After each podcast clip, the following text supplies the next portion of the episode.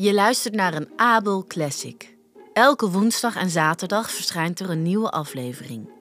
Volg ons in je favoriete podcast-app. Laat een review achter en mis geen enkel luisterverhaal van Abel. Peter Celi. Voorgelezen door Sanne Vogel. Er was eens een meisje dat Peter Celi heette. Ze werd zo genoemd omdat Peter Celi haar lievelingseten was en ze niets liever at dan dat.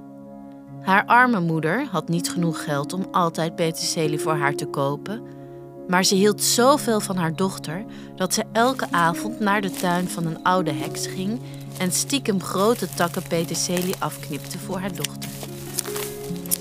Al snel wist iedereen in het dorp dat peterselie zoveel van peterselie hield en kon de oude heks wel raden wie haar peterselie had gestolen. De heks riep de moeder van het meisje bij zich en stelde voor dat peterselie bij haar kon komen wonen, zodat ze zoveel peterselie kon eten als ze maar wilde. Jaren later was peterselie een knappe vrouw geworden.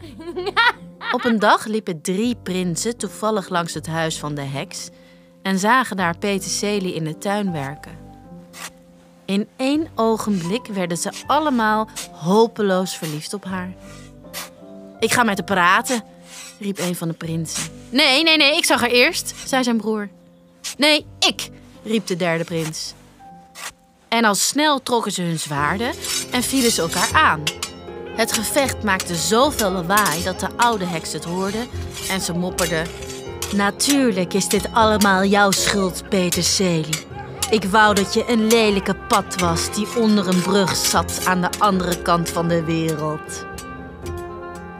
Ze had de woorden nauwelijks uitgesproken of Peterselie veranderde in een pad en verdween uit het zicht.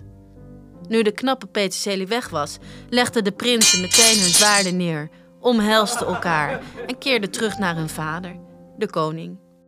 De koning was oud en zwak en wilde zijn troon afstaan aan een van zijn zonen, maar hij kon niet beslissen wie van de drie de nieuwe koning moest worden.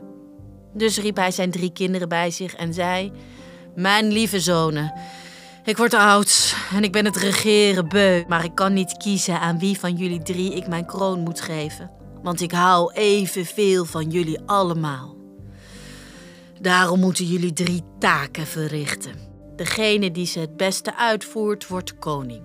De eerste taak is om mij een stuk linnen te brengen van 100 meter lang, dat zo fijn is dat het door een gouden ring kan. De zonen beloofden dat ze hun best zouden doen en begonnen meteen aan hun reis. Al snel kwamen ze bij een kruispunt met drie wegen. Twee wegen waren vrolijk en druk, maar de derde was donker en eenzaam. De twee oudere broers kozen de drukkere wegen en de jongste, Lucas genaamd, ging de sombere weg op. Op de sombere weg kwam Lucas geen enkele stoffenwinkel tegen. Toen hij na lang zoeken nog steeds niks had gevonden, ging hij somber naast een brug zitten. Plotseling ging er een pad tegenover hem zitten die vroeg: Kwaak, waarom ben je zo somber, lieve man? O padje, ik wil je niet lastigvallen, want je zou me toch niet kunnen helpen. Kwaak. Je weet het nooit, antwoordde het pad. Kwaak. En het kan geen kwaad om je hart te luchten. Lucas zuchtte verdrietig en vertelde de pad over de taak van zijn vader. Kwaak. Wacht even, prins. Ik heb een idee, zei de pad. En ze sprong weg. Even later kwam ze terug met een stukje linnen dat niet groter was dan een vinger. Ze legde het voor de prins neer en zei: Neem dit mee naar huis. Ik weet zeker dat je vader blij zal zijn. Kwaak! Lucas wilde de pad niet teleurstellen, dus stopte hij het kleine stukje linnen in zijn zak. Zij bedankt en keerde terug naar huis. Eenmaal thuis was de koning blij om zijn zonen weer te zien en begon hij meteen het linnen te bekijken. In alle wagens van de oudste broers was niet één stuk linnen dat door zijn gouden ring paste. Daarna was het de beurt aan Lucas. Hij haalde onzeker het linnen uit zijn zak en was verbaasd toen hij zag dat het het fijnste, zachtste en mooiste stuk stof was dat hij ooit had gezien. Het ging zonder moeite door de ring.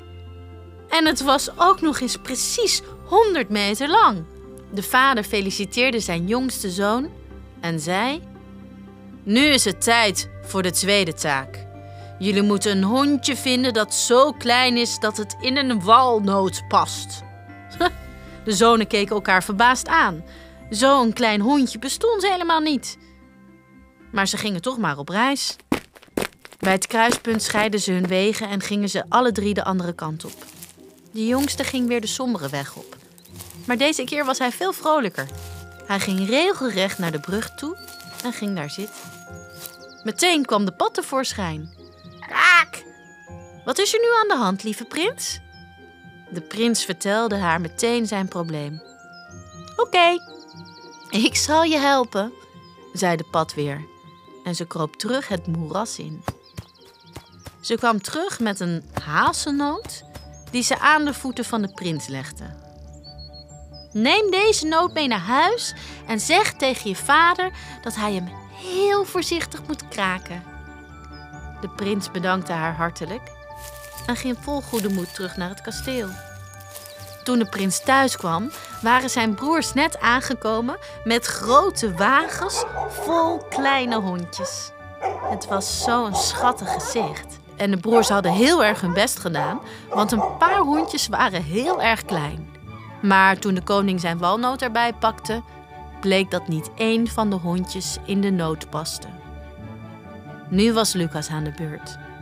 Met een buiging gaf hij de haalsenoot aan zijn vader en zei dat hij hem voorzichtig moest kraken. Toen de koning dit deed, sprong er een heel klein hondje uit de notendop. Vrolijk rende hij rondjes op de hand van de koning, kwispelde met zijn hele kleine staartje en blafte uitbundig naar alle andere kleine hondjes. De vader was blij en verbaasd en hij omhelsde zijn jongste zoon en zei: Nu komt de laatste opdracht. Ik wil dat jullie een persoon vinden die heel erg gepassioneerd is over iets. Het maakt me niet uit wat het is. Degene die thuis komt met de meest gepassioneerde persoon krijgt de troon. Nou, deze opdracht vonden de zoons veel leuker dan de vorige opdrachten. Enthousiast gingen ze op reis. Op het kruispunt kozen de oudste zoons opnieuw voor het drukke en gezellige pad. En Lucas ging weer het donkere, eenzame pad op. Zoals gewoonlijk ging hij weer onder de brug zitten en wachtte op de pad. Na een paar minuten kwam de pad tevoorschijn. Waak! Wat is er vandaag met je aan de hand, lieve prins? Oh, padje. Mijn vader heeft weer een gekke taak voor ons bedacht. Vertel, waar kan ik je mee helpen? Lucas vertelde haar over zijn opdracht. Maar ja, jij kent vast geen mensen, lieve pad. In, in, in het moeras wonen alleen maar dieren. Ik denk dat ik je wel kan helpen, zei de kleine pad. Ga maar alvast naar huis, dan kom ik je achterna. De prins stond op en ging nieuwsgierig op weg. Na een paar minuten hoorde hij een geluid achter zich. Kwaak! En toen hij omkeek, zag hij een kartonnen koets getrokken door zes grote ratten op hem afkomen. Een dikke muis was de koetsier. En in de koets zelf zat de kleine pad die uit het raam zwaarde naar Lucas. Kwaak! De prins wist niet wat hij moest zeggen. Het zag er heel schattig uit en, en misschien kon zijn vader dat wel op prijs stellen. Maar toen hij met zijn ogen knipperde, zag hij tot zijn verbazing dat er plots een prachtige koets voor hem stond. Getrokken door zes prachtige paarden en in die koets zat de mooiste vrouw die Lucas ooit had gezien. Hij herkende Peter Celi meteen.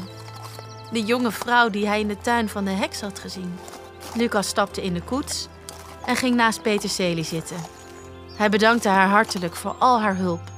Maar Peter Celi, ik weet zeker dat je heel veel talenten en passies hebt, maar ik ken je nog niet zo goed. Uh, kun je me vertellen waar jij zo gepassioneerd over bent? Peterselie hield het bosje peterselie omhoog die ze in haar handen had.